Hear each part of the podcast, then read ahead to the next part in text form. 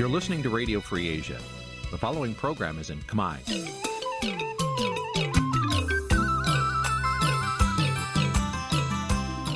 នេះជាកម្មវិធីផ្សាយ Vuthu Azizi Serai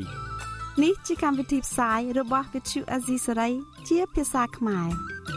Vuthu Azizi Serai សូមស្វាគមន៍លោកអ្នកនាងទាំងអស់ពីរដ្ឋធានី Washington នៃសហរដ្ឋអាមេរិក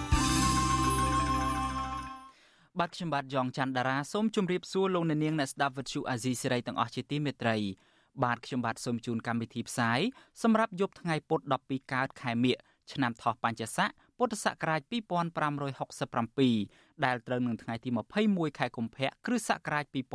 2024បាទជាដំបូងនេះសូមអញ្ជើញអស់លោកអ្នកនាងស្ដាប់ព័ត៌មានប្រចាំថ្ងៃដែលមានមេត្តាដូចតទៅ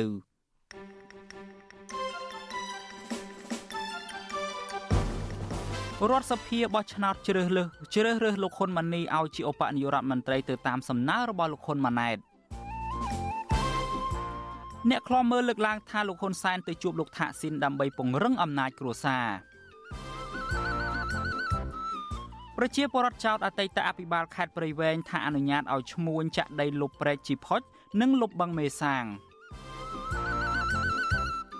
ក្រុមឈ្មួញមានអំណាចនៅក្នុងខេត្តស្ទឹងត្រែងរត់ពន្ធដើមវត្តរមៀតទៅលក់នៅប្រទេសឡាវរួមនឹងព័ត៌មានសំខាន់ៗមួយចំនួនទៀត។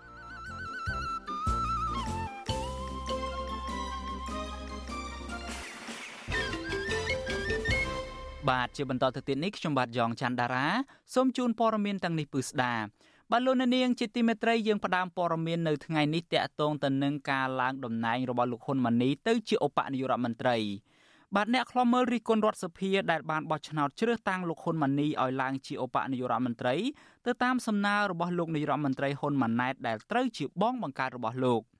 អ្នកខ្លំមើលចាត់ទុកថាការបន្ថែមទួនាទីកម្ពូលឲ្យទៅកូនប្រុសពៅរបស់លោកហ៊ុនសែននេះគឺជាការបង្ហាញពីការខិតខំប្រឹងប្រែងរបស់លោកហ៊ុនសែនដើម្បីប្រែក្លាយប្រទេសកម្ពុជាឲ្យស្ថិតនៅក្រោមការគ្រប់គ្រងរបស់ក្រុមគ្រួសាររបស់លោកបាទនេះជាសេចក្តីរាយការណ៍ព័ត៌មានរបស់លោកថាថៃ អតីតនាយករដ្ឋមន្ត្រីកម្ពុជាដែលពិភពលោកចាត់ទុកជាជនកាន់អំណាចផ្ដាច់ការយូរជាងគេមួយរូបគឺលោកហ៊ុនសែនបានសម្រេចបំណងធំថ្មីមួយទៀតហើយនៅក្នុងការពង្រឹងអំណាចគ្រួសាររបស់លោកនោះគឺកូនប្រុសពៅរបស់លោកគឺលោកហ៊ុនម៉ាណីត្រូវបានសមាជិករដ្ឋសភាមកពីគណៈបកប្រជាជនកម្ពុជានៅព្រឹកថ្ងៃទី21ខែកុម្ភៈនាំគ្នាបោះឆ្នោតប្រគល់ទូនាទីជាឧបនាយករដ្ឋមន្ត្រីបន្ថែមលើទូនាទីបច្ចុប្បន្នជារដ្ឋមន្ត្រីក្រសួងមុខងារសាធារណៈ លោកហ៊ុនសែននិងលោកហ៊ុនម៉ាណែតក៏មានវត្តមានចូលរួមបោះឆ្នោតតែងតាំងលោកហ៊ុនម៉ាណីដែរទូនាទីនិងអំណាចរបស់លោកហ៊ុនម៉ាណីនៅពេលនេះកាន់តែរីកធំថែមទៀតការរៀបចំប្រជុំបោះឆ្នោតតែងតាំងលោកហ៊ុនម៉ាណីដោយរដ្ឋសភានេះធ្វើឡើងតាមសំណើរបស់លោកហ៊ុនម៉ាណែតកាលពីថ្ងៃទី15សប្តាហ៍មុនទន្ទឹមគ្នានេះរដ្ឋសភាក៏បានបោះឆ្នោតជ្រើសតាំងលោកស្រីថាំរងនិងលោកប៉ែនវិបុលជាទេសរដ្ឋមន្ត្រីទទួលបន្ទុកបេសកកម្មពិសេសដែរក្រោយរដ្ឋសភាបោះឆ្នោតរួច ព្រះមហាក្សត្របានចេញព្រះរាជក្រឹត្យតែងតាំងអ្នកទាំង3ជាផ្លូវការភ្លាមៗតែម្ដងប្រធានប្រតិបត្តិគណៈបកសង្គ្រោះជាតិប្រចាំរដ្ឋវិកតូរីយ៉ានៃប្រទេសអូស្ត្រាលីលោកអិនហែមរ៉ាថ្លែងថាការដែលលោកហ៊ុនសែនលើកបន្ទប់កូនកូនរបស់លោកឲ្យកាន់ទូនាទីកម្ពូលកម្ពូលរបស់ជាតិតាមអំពើចិត្តប្រៀបដូចក្រុមហ៊ុនឯកជនរបស់លោកនេះគឺជាការពង្រឹងអំណាចគ្រួសារខុសពីគោលការណ៍ប្រជាធិបតេយ្យនឹងធ្វើឲ្យប៉ះពាល់ធំធេងដល់ផលប្រយោជន៍ជាតិនិងប្រជាជន ការតែងតាំងដោយបកពួកនិយមនេះមានន័យថាទី1គឺយុវជនឬក៏ប្រជាពលរដ្ឋខ្មែរដែលមានចំណេះដឹងមានបទពិសោធន៍ហ្នឹងគឺបាត់បង់ឱកាសហើយទី1ទី2ទៀតប្រទេសដែលការតែងតាំងដោយអំពើពុករលួយមានន័យថាកាសដែលអភិវឌ្ឍប្រទេសដោយប្រើជំនាញនេះគឺត្រូវបាត់បង់លោកអិនហែមរ៉ាបន្ថែមថាប្រសិនបើនៅក្នុងប្រទេសប្រជាធិបតេយ្យលោកហ៊ុនម៉ាណីនឹងមិនអាចទទួលបានទូនាទីសំខាន់សំខាន់ក្នុងរដ្ឋាភិបាលបាននោះទេ ដោយសារលោកធ្លាប់មានគេឈ្មោះអាស្រូវបែកធ្លាយរឿងហិង្សានិងការជួញដូរផ្លូវភេទព្រមទាំងការបើកបរបំពានច្បាប់ចរាចរណ៍ជាច្រើនលើកក្នុងពេលលោកមានទូនាទីជាតំណាងរាស្ត្រនិងជាអ្នកតាក់តែងច្បាប់ទាក់ទិននឹងរឿងនេះដែរប្រធានអង្គការសម្ព័ន្ធខ្មែរដើម្បីកិច្ចព្រមព្រៀងសន្តិភាពទីក្រុងប៉ារីសលោកអ៊ុនណាតសោកស្ដាយដែលលោកហ៊ុនម៉ាណែតឡើងកាន់អំណាចរយៈពេល6ខែមកនេះមិនបានដោះស្រាយបញ្ហាជាតិនិងបញ្ហាសំខាន់សំខាន់របស់ប្រជាពលរដ្ឋ ក៏ប៉ុន្តែលោកបែរជាព្យាយាមតែងតាំងសាច់ញាតិនិងបពពួករបស់លោកឲ្យកាន់ទូនាទីកម្ពូលកម្ពូលដើម្បីពង្រឹងអំណាចគ្រួសារផ្ទាល់ខ្លួនទៅវិញ មេដឹកនាំងផ្ដាច់ការគេតែងតែប្រើប្រាស់ឬក៏តែងតាំងកូនចៅរបស់ខ្លួនសាច់ញាតិចិត្តស្និទ្ធរបស់ខ្លួនដើម្បីដល់ក្រកអំណាចនេះជារឿងទូទៅរបស់របបផ្ដាច់ការចំពោះស្រុកខ្មែរមិនខុសគ្នាពីរបបផ្ដាច់ការនៅប្រទេសដទៃទៀតទេការតែងតាំងរបៀបនេះបានបង្ហាញយើងឃើញយ៉ាងជាក់ច្បាស់ថាជាការក្តោបតប់អំណាចនៃត្រកូលមួយដែលមិនទុកចិត្តទៅលើអ្នកដទៃ សូម្បីតែបងប្អូនហ្នឹងมันទៅជាអាចមានការទុកចិត្តបានក៏មកយើងនិយាយចំពីការផ្ទៃខ្លាយរបស់មេដឹកនាំផ្ដាច់ការលោកហ៊ុនម៉ាណីជាមនុស្សទទួលបានការអប់រំខ្ពស់ពីប្រទេសប្រជាធិបតេយ្យជឿនលឿនមិនខុសពីបងប្រុសរបស់លោកគឺលោកហ៊ុនម៉ាណែតនោះទេក៏ប៉ុន្តែគណៈបកប្រឆាំងនឹងអ្នកឃ្លាំមើលរិះគន់ថាបងប្អូនទាំងពីរនាក់នេះគឺជាមនុស្សកំសាកនិងអសមត្ថភាពដោយសារមិនហ៊ានប្រកួតប្រជែងតាមរយៈការបោះឆ្នោតដោយសេរីនិងយុត្តិធម៌ពិតប្រាកដជាមួយគណៈបកប្រឆាំងឡើយ អ្នកទាំងពីរបានទទួលទូនាទីសំខាន់សំខាន់ទាំងនៅក្នុងបកនិងរដ្ឋាភិបាលដោយសារតែការជួយជ្រោមជ្រែងនឹងការត្រួសត្រាយផ្លូវពីឪពុកដោយគ្មានសេចក្តីអៀនខ្មាស់ដូច្នេះហើយទៅមកទល់ពេលនេះប្រទេសកម្ពុជាមិនមានការប្រែប្រួលទៅរកភាពល្អប្រសើរនោះឡើយខ្ញុំថាថៃពីទីក្រុងមែលប៊ន បាទលោកអ្នកនាងជាទីមេត្រីយើងមានព័ត៌មានមួយទៀតដើម្បីជម្រាបជូនលោកអ្នកនាងគឺតកតងទៅនឹងដំណើររបស់លោកហ៊ុនសែនទៅជួបសួរសុខទុក្ខបងធររបស់លោកគឺលោកថាក់ស៊ីនដែលជាអតីតនាយករដ្ឋមន្ត្រីនៃប្រទេសថៃបាទអ្នកខ្លំមើលលើកឡើងថាជំនួបរវាងអតីតនាយករដ្ឋមន្ត្រីកម្ពុជាលោកហ៊ុនសែននិងលោកថាក់ស៊ីនអាចឈានទៅដល់ការប្រឹក្សាយោបល់ដើម្បីពង្រឹងអំណាចគ្រួសារក្តោបក្តាប់កិច្ចការប្រទេសជាតិ ពួកគាត់លើកឡើងថាជំនួបអតីតមេដឹកនាំទាំងពីរនេះក៏អាចនឹងលើកយកពីបញ្ហាជាប់គាំងមួយចំនួនដែលថ្នាក់ដឹកនាំប្រទេសទាំងពីរមិនអាចដោះស្រាយបានយកមកពិភាក្សាគ្នាផងដែរបាទសូមលោកអ្នកនាងស្ដាប់សេចក្តីរាយការណ៍ព័ត៌មាននេះរបស់លោកសេកបណ្ឌិតដូចតទៅអ្នកឃ្លាំមើលលើកឡើងថាជំនួបរវាងអតីតនាយករដ្ឋមន្ត្រីកម្ពុជាលោកហ៊ុនសែនដែលជាឪពុករបស់មេដឹកនាំរដ្ឋាភិបាលកម្ពុជា និងអតីតនាយករដ្ឋមន្ត្រីថៃលោកថាក់ស៊ីនស៊ីនវ៉ាត់ ដែលជាឪពុករបស់ប្រធានគណៈបកកណ្ដាលអំណាចរបស់ថៃមិនត្រឹមតែជាដំណើរសួរសុខទុក្ខគ្នាក្នុងនាមជាបងប្អូនធននោះឡើយអ្នកប្រឹក្សាយោបល់ផ្នែកផ្នត់គំនិតនិងការសិក្សាស្រាវជ្រាវលោកសេកសុជាតិយល់ឃើញថាជំនួបរវាងឪពុកនិងឪពុករបស់ថ្នាក់ដឹកនាំប្រទេសនៅពេលនេះអាចមានការជជែកពីចំនួនផង និងផ្នែកនយោបាយផង ដែលអាចឈានទៅដល់ការសហការណាមួយគណៈរដ្ឋាភិបាលនៃប្រទេសទាំងពីរកំពុងគិតគូរលើការបូមព្រេងនៅដែនសមុទ្ររួមគ្នាដែរនោះ។ សម្ដេចហ៊ុនសែនក្នុងនាមជាប្រធានគណៈបកកណ្ដាលអំណាចហ្នឹងយើងឃើញហើយលោកគាត់ទៅក្នុងនេះក៏អាចមានតំណែងជាមួយនឹងការចំណងមិត្តភាពរវាងគណៈបកនយោបាយនិងគណៈបកនយោបាយរបស់កូនលោកថាស៊ីននៅក្នុងការរៀបចំសម្ដាប់ធ្នាប់នៅក្នុងប្រទេសថៃធ្វើយ៉ាងណាកុំឲ្យមានសកម្មជននយោបាយប្រឆាំងនៅកម្ពុជាហ្នឹងអាចអនុវត្តឬក៏ធ្វើការងាររបស់ខ្លួនបានច្រើននៅទីនោះអីចឹងជាដើមបាទ ការលើកឡើងរបស់អ្នកឃ្លាំមើលរូបនេះគឺបន្ទាប់ពីលោកហ៊ុនសែនធ្វើដំណើរទៅកាន់ប្រទេសថៃដើម្បីទៅសួរសុខទុក្ខលោកថាក់ស៊ីនដែលត្រូវបានដោះលែងកាលពីថ្ងៃទី18ខែកុម្ភៈបន្ទាប់ពីបានជាប់ឃុំអស់រយៈពេល6ខែលោកហ៊ុនសែនបានទៅដល់អាកាសយានដ្ឋានដនមឿងនៅព្រឹកថ្ងៃដដែលដោយធ្វើដំណើរតាមរថយន្តស៊េរីទំនើបម៉ាក Mercedes ចូលទៅក្នុងភូមិគ្រឹះបានច័ន្ទសុងឡារបស់លោកថាក់ស៊ីន នៅសង្កាត់បាងផ្លាត់ក្រុងបាងកកប្រទេសថៃជំនួបរវាងបងប្អូនធរនៃអ្នកនយោបាយដ៏មានឥទ្ធិពលនៃប្រទេសទាំងពីរនេះបានបិទទ្វារមិនឲ្យអ្នកកាសែតចូលទៅយកព័ត៌មាននោះទេ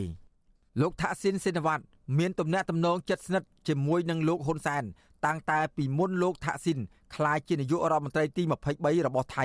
ពលគឺនៅពេលលោកថាក់ស៊ីន បានបោះទុនវិនិយោគលើផ្នែកបណ្ដាញទូរគមនាគមន៍នៅកម្ពុជាហើយទំនាក់ទំនងនេះក៏កាន់តែជិតស្និទ្ធរហូតដល់បច្ចុប្បន្នក្រោយជំនួបរវាងអតីតមេដឹកនាំទាំងពីរប្រទេសនេះប្រធានឧត្តមក្រុមប្រឹក្សាព្រះមហាក្សត្រលោកហ៊ុនសែនបានបង្ហោះសារនៅលើបណ្ដាញសង្គម Facebook ថាលោកបានអញ្ជើញកូនស្រីពៅរបស់លោកថាក់ស៊ីន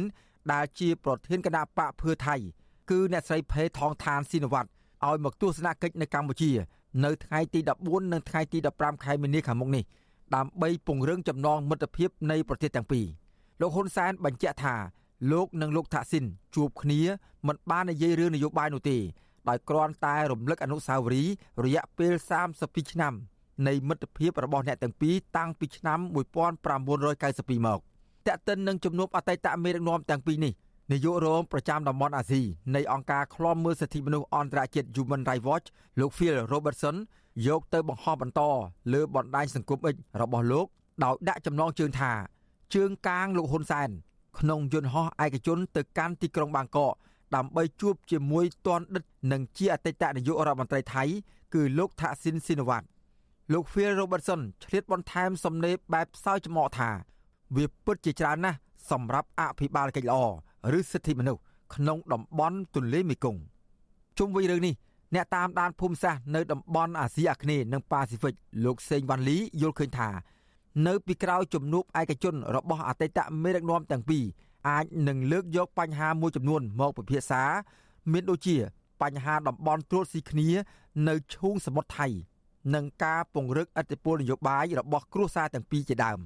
ទោះយ៉ាងណាលោកយល់ឃើញថាក្នុងជំនួបនេះ អាចជាប្រផ្នូលអាក្រក់របស់ក្រុមអ្នកប្រឆាំងដែលកំពុងជ្រកកោននៅក្នុងប្រទេសថៃផងដែរដំណើរទស្សនកិច្ចនេះបង្ហាញអំពីការរឹតចំណងទំនាក់ទំនងរវាងតកោចិនវត្តនិងតកោហ៊ុនហើយក៏ដូចជា បង្ហាញឲ្យប្រជាពលរដ្ឋឬក៏អ្នកនយោបាយទាំងពីរប្រទេសហ្នឹងមើលឃើញថាថៃដែលដឹកនាំដោយតកោចិនវត្តឬដឹកនាំដោយពួកថៃកម្ពុជាដឹកនាំដោយរដ្ឋាភិបាលកាត់ទានគណៈបព្វជិជនគឺមានអ្នកនងស្អិតរមួតខ្លាំងណាស់ដែលពិបាកក្នុងការដែលគណៈបកប្រឆាំងឬក៏អ្នកដែលមាននានាការផ្ទុយហ្នឹងអាចបំបែកបានលោកហ៊ុនសែនគឺជាមនុស្សទី1ដែលទៅជួបលោកថាក់ស៊ីនស៊ីនវ៉ាត់បន្ទាប់ពីអាញាធរថៃបានដោះលែងលោកពីមន្ទីរពេទ្យ ដោយមិនបានអនុវត្តទោសនៅពន្ធនាគារឡើយលោកថាក់ស៊ីនមានវ័យ74ឆ្នាំ បាននិរទេសខ្លួនទៅបរទេសជាង15ឆ្នាំក្រោយពីរដ្ឋប្រហារយោធាទម្លាក់លោកចេញពីតំណែង កាលពីឆ្នាំ2006ព្រះមហាក្សត្រថៃបានបន្ធូរបន្ថយទោសលោកឲ្យជាប់ពន្ធនាគារពី8ឆ្នាំ មកនៅត្រឹម1ឆ្នាំ ក្នុងសំណុំរឿងប្រព្រឹត្តអំពើពុករលួយ និងរំលោភអំណាច ក្រោយពីលោកវិលចូលប្រទេសថៃវិញកាលពីខែសីហាឆ្នាំ2023ខ្ញុំបាទសេកបណ្ឌិតវុទ្ធុអាស៊ីសេរីពីរដ្ឋធានីវ៉ាស៊ីនតោនបាទលោកនាងជាទីមេត្រីតកតងទៅនឹងរឿងប្រទេសថៃនេះដែរលោកនាងប្រហែលជានៅចាំហើយថាមានសកម្មជនដែលជាអ្នកគ្រប់គ្រងលទ្ធិប្រជាធិបតេយ្យរបស់ថៃឬមួយក៏សកម្មជនអាវក្រហមរបស់ថៃលោកវ៉ាន់ឆាលើមសាទស័ក្តិសិទ្ធិនោះបានបាត់ខ្លួននៅក្នុងប្រទេសកម្ពុជាកាលពីប្រមាណឆ្នាំមុននេះ ហើយឥឡូវនេះយើងទទួលបានព័ត៌មានមកថានៅមុនពេលដែលការទៅដល់របស់លោកហ៊ុនសែនដែលគ្រងទៅជួបលោកថាក់ស៊ីននេះគឺថាបងស្រីរបស់លោកវ៉ាន់ឆាលើមសាទស័ក្តិសិទ្ធគឺអ្នកស្រីស៊ីតថាណនសាទស័ក្តិសិទ្ធ នឹងអះអាងថាអ្នកស្រីនឹងទៅឈរតវ៉ានៅមុខទីកន្លែងដែលលោកនាយករដ្ឋមន្ត្រីហ៊ុនសែនអាចនឹងទៅជួបលោកថាក់ស៊ីនដើម្បីបង្ហាញពីជំហរប្រឆាំងទៅនឹងរបាយប្រឆាំងទៅនឹងសេចក្តីថ្លែងការណ៍របស់ខាងកម្ពុជា នៅឯអង្គការសហប្រជាជាតិដែលថាលោកវ៉ាន់ឆាលើមករណីបាត់ខ្លួនរបស់លោកវ៉ាន់ឆាលើមនោះគឺមិនមែនជាការបាត់ខ្លួនដោយបង្ខំនោះទេដូច្នេះសូមលោកអ្នកនាងរងចាំតាមដានព័ត៌មានលម្អិតអំពីករណីនេះតទៀតពីព្រោះករណីលោកវ៉ាន់ឆាលើមសាទស័ក្តិសិទ្ធនេះគឺថាមានការចាប់អារម្មណ៍ខ្លាំងមែនទែនដែលគេចាត់ទុកថាជាករណីបាត់ខ្លួនដោយបង្ខំនៅក្នុងប្រទេសកម្ពុជាហើយក៏មាននៅក្នុងរបាយការណ៍របស់អ្នករាយការណ៍ពិសេសអង្គការសហប្រជាជាតិផងដែរបាទបាទលោកនាងជាទីមេត្រីតកតងទៅនឹងប្រទេសថៃនេះដែរយើងមិនទាន់ទៅណាឆ្ងាយនោះទេគឺតកតងទៅនឹងពលករខ្មែរមួយចំនួនដែលបានជួបគ្រោះថ្នាក់ចរាចរណ៍នៅប្រទេសថៃ ក្រសួងការបរទេសកម្ពុជាអះអាងថាគ្មានពលរដ្ឋខ្មែរដែលជួបគ្រោះថ្នាក់ចរាចរណ៍នៅក្នុងខេត្តច័ន្ទបុរីប្រទេសថៃត្រូវបានឃាត់ខ្លួនឬមួយក៏បញ្ជូនទៅមន្ទីរពេទ្យឡើយបាទក្រសួងការបរទេសនិងកិច្ចសហប្រតិបត្តិការអន្តរជាតិនៅថ្ងៃទី21ខែកុម្ភៈនេះបានចេញសេចក្តីជូនដំណឹងស្តីពីករណីពលរដ្ឋខ្មែរជួបគ្រោះថ្នាក់ចរាចរណ៍នៅខេត្តច័ន្ទបុរីប្រទេសថៃ។ ក្រសួងការបរទេសឲ្យដឹងថាកាលពីថ្ងៃទី20ខែកុម្ភៈមន្ត្រីនៃស្ថានអគ្គកុងស៊ុលកម្ពុជាប្រចាំនៅក្នុងខេត្តស្រះកែវប្រទេសថៃបានទៅជួបអាជ្ញាធរនៅប៉ុស្តិ៍នគរបាលស្រុកមក្ខាមនៅក្នុងខេត្តច័ន្ទបុរីហើយបានទទួលព័ត៌មានថារថយន្តឈ្នួលបានដឹកពលករខ្មែរពីទីក្រុងបាងកកត្រឡប់ទៅប្រទេសកម្ពុជាវិញដោយឆ្លងកាត់ខេត្តច័ន្ទបុរី លុះរថយន្តធ្វើដំណើរដល់ស្រុកមខាមខេត្តច័ន្ទបុរីហើយនោះរថយន្តបានរេចង្កូតបុកបង្គោលភ្លើងបណ្ដាលឲ្យរថយន្តក្រឡាប់នៅលើផ្លូវកាលពីថ្ងៃទី18ខែកុម្ភៈនឹងធ្វើនឹងធ្វើឲ្យពលករខ្មែរចំនួន3នាក់រងរបួសស្រាល បាទតកតងទៅនឹងករណីគ្រោះថ្នាក់ចរាចរណ៍នេះគឺក្រោយពីគ្រោះថ្នាក់ចរាចរណ៍នេះកើតឡើងហើយក្រុមគ្រោះក្រុមអ្នកសង្គ្រោះបានធ្វើការសង្គ្រោះបឋមទៅលើប្រជាពលករខ្មែរទាំង3នាក់នោះហើយខាងអាជ្ញាធរថៃបានធ្វើកំណត់ហេតុនៅប៉ុស្តិ៍នគរបាលស្រុកមខាមចំណែកឯពលរដ្ឋខ្មែរទាំង3នាក់បានបន្តដំណើរដោយរថយន្តផ្សេងទៅកាន់គោលដៅនៅក្នុងថ្ងៃដដែល។ ក្រសួងការបរទេសបញ្ជាក់ថាក្នុងករណីពលករខ្មែរជួបគ្រោះថ្នាក់ចរាចរណ៍នោះមិនមានពលករខ្មែរណាម្នាក់ត្រូវបានអាជ្ញាធរថៃឃាត់ខ្លួនឬបញ្ជូនទៅមន្ទីរពេទ្យនោះទេបាទវិទ្យុអាស៊ីសេរីនៅពុំទាន់អាចតាក់ទងแนะនាំពាក្យក្រសួងការបរទេសគឺលោកអានសុខឿនដើម្បីសុំការអធិប្បាយជុំវិញបញ្ហានេះបាននៅឡើយទេនៅថ្ងៃទី21កុម្ភៈ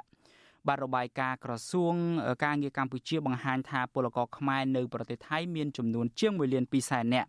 ក៏ប៉ុន្តែបើតាមរបាយការណ៍របស់អង្គការសង្ត្រាល់វិញគឺថាយ៉ាងហោចណាស់មានពលករខ្មែរជាង2លាននាក់កំពុងបម្រើការងារនៅក្នុងប្រទេសថៃដែលពួកគាត់ភ័យច្រើនមិនបានទៅតាមរយៈក្រុមហ៊ុនឬមួយក៏មានឯកសារស្របច្បាប់នោះឡើយ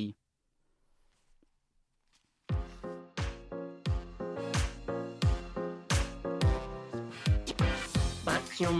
ស្ដាប់បដានិងខ្ញុំស្ងើចបដាចំពោះ មិនមែនតែសូរិយាទេចំពោះកីឡាករ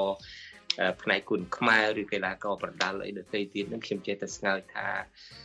ចាប់អារម្មណ៍ទៅនឹងវិជ្ជាជីវៈមួយដែលធ្វើជាខ្លួនហេតុអីបានពីក្មេងមកស្រាប់តែនឹកឃើញថាអឺធំឡើងនឹងធ្វើកីឡាករបដាល់កីឡាករគុណខ្មែរណាវត្តទៅវត្តជើងជើងទៅដៃដៃទៅខ្មងខ្មងទៅកែងកែងនេះ តើអ្វីទៅជំរុញឲ្យខ្លាយទៅជាកីឡាករផ្នែកបណ្ដាឬមួយផ្នែកគុណខ្មែរអឺអត់មានអីផងគ្រាន់តែចូលចិត្តចូលចិត្តឲ្យហាត់ក៏មិនមែនហាត់ដើម្បីវាយទេខ្ញុំហាត់មិនមែនដើម្បីវាយទេខ្ញុំគាត់ហាត់ដើម្បីឲ្យចេះទៅឲ្យវាការពារខ្លួនអញ្ចឹងទៅពីដំបូងឡើយណាការបាទដើម្បីការពារខ្លួនទេមិនហាត់ដើម្បីវាយផងប៉ុន្តែគ្រាន់តែថាចៃដន្យពេលដែលខ្ញុំហាត់ហ្នឹងទៅក៏ តែតែមានកម្មវិធីបដាល់គេមកបដាល់ប្រកួតបើកប្រកួតបដាល់នៅខេត្តគ្រូក៏សួរថាហ៊ានបាយអត់បន្ទូអញ្ចឹងសួរឌឺមកដល់អញ្ចឹងយើងយើងអ្នកហាត់អីដែរចិត្តគុណប្រុសដែរក៏ឡើងទៅបាទឡើងទៅលើកទី1យ៉ាងម៉េចដែរលើកទី1ហ្មងលើកទី1យើងប្រកួតស្មើគ្នាប៉ុន្តែមានមានអារម្មណ៍ថាចុះមកលេងចង់ប្រកួតមកវាអស់មែនមែនអស់មែនទេព្រោះនៅតាមខេត្តយើងហាត់ធម្មតាយើងមិនដូចហាត់ខេត្តណាដំបងឡើងបាត់ដំបង ឬមួយក៏ប្រទីមានជ័យប្រទីមានជ័យបាទខ្ញុំហាត់នៅខេត្តប្រទីមានជ័យឆ្នាំ1996ចាប់ដើម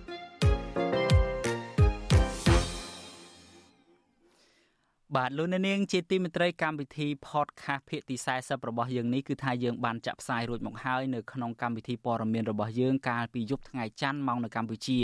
ហើយយើងក៏បានបង្ហោះវីដេអូនេះទាំងស្រុងនៅលើបណ្ដាញសង្គម Facebook និង YouTube ព្រមទាំង Telegram របស់យើងដែរដូច្នេះប្រសិនបើលោកអ្នកនាងដែលខកខានមិនបានស្ដាប់ឬមួយក៏ទស្សនាកម្មវិធី podcast ភាគទី40នេះលោកអ្នកនាងអាចចូលទៅកាន់គេហទំព័ររបស់ Vuthu Azizi Serai ហើយនឹងបណ្ដាញសង្គមរបស់យើងមាន Facebook YouTube YouTube និង Podcast ទៅលោកអ្នកនាងនឹងឃើញកម្មវិធី Podcast របស់យើងភាគទី40នេះហើយគឺថាលោកជុនច័ន្ទបុតជាមួយនឹងលោកសំពូលីបានជជែកពិភាក្សាគ្នាជាមួយអតីតអ្នកប្រដាល់គុណខ្មែរដ៏ល្បីមួយរូបគឺគេប្រសិទ្ធនាមលោកថាជាខ្លាចាស់កម្ពុជាល្បិចគឺលោកនួនសូរិយាលោកនួនសូរិយាបានចូលរួមនៅក្នុងកម្មវិធី podcast របស់យើងដោយចែករំលែកអំពីបទពិសោធន៍ជីវិតរបស់លោកផងហើយនឹងអ្វីដែលជាការតាំងចិត្តរបស់លោកនៅក្នុងការចូលរួមផ្ដល់មតិយោបល់បន្ថែមដើម្បីឲ្យវិស័យប្រដាល់គុណខ្មែររបស់កម្ពុជាអាចរីកចម្រើនទៅមុខជាលំដាប់នោះបាទបាទលោកនាងជាទីមេត្រីយើងងាកមកចាប់អារម្មណ៍មួយទៀតពាក់ព័ន្ធទៅនឹងបញ្ហារបស់ប្រជាពលរដ្ឋនៅតាមដងទន្លេបាសាក់ឯនេះវិញ បាទក្រមប្រជាពលរដ្ឋជាច្រើនគ្រួសារដែលរស់នៅតាមដងទន្លេបាសាក់នៅក្នុងសង្កាត់ចាក់អង្រែក្រោមនិងសង្កាត់ព្រែកប្រានៅក្នុងរាជធានីភ្នំពេញកំពុងតែព្រួយបារម្ភចំពោះការឈូសឆាយផ្ទះសម្បែងនិងការបណ្តេញចេញពីដីធ្លីទាំងបង្ខំក្រោយពីដែលរដ្ឋាភិបាលលោកហ៊ុនម៉ាណែតបានអនុញ្ញាតឲ្យក្រុមហ៊ុនចិនអនុវត្តគម្រោងសាងសង់ស្ពានឆ្លងកាត់ទន្លេបាសាក់ បាទអ្នកជំនាញផ្នែកសិទ្ធិមនុស្សបារម្ភថាប្រជាពលរដ្ឋអាចនឹងនាំគ្នាងើបតវ៉ានិងរងការបង្ក្រាបពីអាជ្ញាធរប្រសិនបើរដ្ឋាភិបាលគ្មានដំណោះស្រាយនិងផ្ដល់សំណងសមរម្យជូនដល់ប្រជាពលរដ្ឋដែលកំពុងតែប្រឈមទៅនឹងការរងគ្រោះពីគម្រោងធ្វើស្ពានមួយនេះបាទលោកអ្នកនាងនឹងបានស្ដាប់ព័ត៌មាននេះពឺស្ដារនៅក្នុងកម្មវិធីផ្សាយរបស់យើងនៅព្រឹកស្អែកគឺចាប់ពីម៉ោង5កន្លះដល់ម៉ោង6កន្លះ បាទលោកនាងជាទីមេត្រីតកតងទៅនឹងរឿងបរិស្ថាននិងសិទ្ធិមនុស្សនេះដែរយើងងាកទៅចាប់អារម្មណ៍មួយទៀតគឺថាក្រមយុវជនចលនាមេដាធម្មជាតិបានរកឃើញថាទឹកធ្លាក់រូងប្រជៀវដែលស្ថិតនៅក្នុងតំបន់អេកូទេសចរជីផាត់នៃស្រុកស្រែអំបិលនៅក្នុងខេត្តកោះកុងកំពុងទទួលរងការបំផ្លិចបំផ្លាញជាខ្លាំងដោយសារតែអាជីវកម្មថ្មរបស់អ្នកមានលុយមានអំណាចដែលមានទីតាំងនៅក្បែរនោះ។ បាត់វីដេអូមួយដែលក្រុមយុវជនមេដាធម្មជាតិបានបង្ហោះលើបណ្ដាញសង្គម Facebook នៅថ្ងៃទី21ខែកុម្ភៈនេះបង្ហាញថាទឹកធ្លាក់រូងប្រជៀវដែលធ្លាប់តែថ្លានិងមានព្រៃឈើព័ទ្ធជុំវិញនោះបានប្រែជាល្អក់និងមានធូលីដីហុយពេញតំបន់នោះពួកគាត់ទាមទារឲ្យអាជ្ញាធរបញ្ឈប់អាជីវកម្មមួយនេះដើម្បីថែរក្សាតំបន់អេកូទេសចរធម្មជាតិមួយនេះ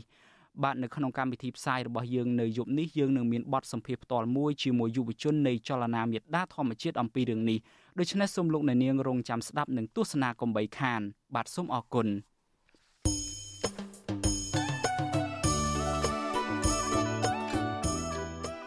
បាទលោកអ្នកនាងជាទីមេត្រីដំណើរគ្នានឹងស្ដាប់ការផ្សាយរបស់វិទ្យុអាស៊ីសេរីនៅលើបណ្ដាញសង្គម Facebook YouTube និង Telegram លោកអ្នកនាងក៏អាចស្ដាប់ការផ្សាយរបស់យើងតាមវិទ្យុរលកធាតុអាកាសខ្លីបានដែរគឺតាមកម្រិតនិងកម្ពស់ដូចតទៅនេះពេលព្រឹកចាប់ពីម៉ោង5កន្លះដល់ម៉ោង6កន្លះតាមរយៈប៉ុស SW 93.90 MHz ស្មើនឹងកម្ពស់ 32m និងប៉ុស SW 11.85 MHz ស្មើនឹងកម្ពស់ 25m ពេលយប់ចាប់ពីម៉ោង7កន្លះដល់ម៉ោង8កន្លះតាមរយៈប៉ុស SW 93.30 MHz ស្មើនឹងកម្ពស់ 32m ប៉ុស SW 11.88 MHz ស្មើនឹងកម្ពស់ 25m និងប៉ុស SW 15.15 MHz ស្មើនឹងកម្ពស់ 20m បាទសូមអរគុណ បាទលោកនាងជាទីមេត្រីយើងងាកទៅចាប់អារម្មណ៍មួយទៀតពាក់ព័ន្ធទៅនឹងស្ថានភាពក្តីបារម្ភរបស់ប្រជាពលរដ្ឋនៅក្នុងខេត្តព្រៃវែងឯណោះវិញបាទសកម្មភាពចាក់ដីលុបបឹងមេសាងខុសច្បាប់រំលោភយកទ្រព្យសម្បត្តិសាធារណៈរបស់រដ្ឋធ្វើជាប្រយោជន៍ឯកជននោះនៅតែគ្មានដំណោះស្រាយជាវិជ្ជមាននៅឡើយទេរហូតមកដល់ពេលនេះបើទោះបីជាប្រជាពលរដ្ឋជាង300នាក់បានផ្តិតមេដាយស្នើឲ្យអាជ្ញាធរចាត់វិធានការច្បាប់ទៅលើរឿងនេះក្តី បាទប្រជាពលរដ្ឋចោទថាអតីតអភិបាលខេត្តព្រៃវែងគឺលោកជាសុមេធីដែលជាកូនប្រុសរបស់លោកជាស៊ីមថាបណ្ដេតបណ្ដោយឲ្យបុគ្គលមានលុយមានអំណាចចាក់ដីលុបបឹងមេសាងនិងប្រែកជីផុចនៅក្នុងពេលលោកកាន់តំណែងជាអភិបាលខេត្តព្រៃវែងបាទនេះជាសេចក្តីរាយការណ៍ព័ត៌មានរបស់លោកហ៊ុំចម្រើនពលរដ្ឋខេត្តព្រៃវែងស្ដាយស្រណោះព្រៃជីជីផុចដែលជាអាងស្តុកទឹកយ៉ាងសំខាន់ធ្វើកសិកម្មនិងជាកន្លែងនេសាទចិញ្ចឹមត្រីរបស់អ្នកស្រុកមេសាង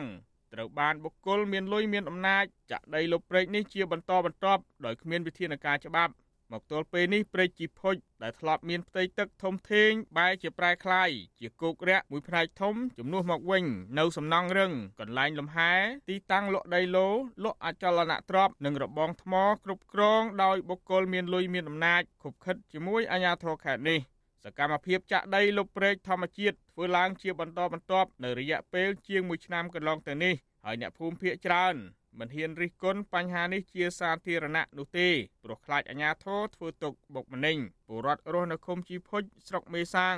ថ្លែងសុំមិនបញ្ចេញឈ្មោះព្រោះបារម្ភពីសុវត្ថិភាពប្រាប់វិទ្យុអាស៊ីសេរីថាសកម្មភាពចាក់ដីជីកព្រែកនេះឲ្យគោករាក់ដើម្បីយកដីពុះលោលក់ធ្វើលំនៅឋាន និងសំណង់អគារមានតម្លៃរាប់ម៉ឺនដុល្លារក្នុងមួយប្លង់មួយប្លង់ធ្វើឲ្យព្រែកនេះកាន់តែរួមតូចពីមួយឆ្នាំទៅមួយឆ្នាំ។លោកថាពលរដ្ឋក្រីក្រមិនទទួលបានដីក្នុងតំបន់នោះជាកម្មសិទ្ធិនោះទេភាគច្រើនជារបស់ឈ្មួញមានអំណាចកាងដីព្រែកនេះធ្វើជាកម្មសិទ្ធិ ជាប្រយោជន៍បុគ្គលលែងមានត្រីមកហើយគេលុបកាន់តែទូទៅទូទៅវាបាត់ត្រីអស់បាត់ខ្ញុំវាមិនដឹងថាវាទៅណាអស់វាបាត់ព្រែកជីភុចមានទំហំផ្ទៃដីរាប់រយហិកតាធំទូលាយដោយមានបណ្ដាញទឹកខ្វាត់ខ្វែងភ្ជាប់នឹងបឹងមេសាង ដែលអ្នកស្រុកចាត់ទុកថាជាប្រភពប្រាក់ចំណូលមិនរីងស្ងួតនិងផ្ដល់ប្រយោជន៍ច្រើនដល់ប្រជាកសិកររាប់ពាន់គ្រួសារធ្វើកសិកម្មគ្រប់រដូវ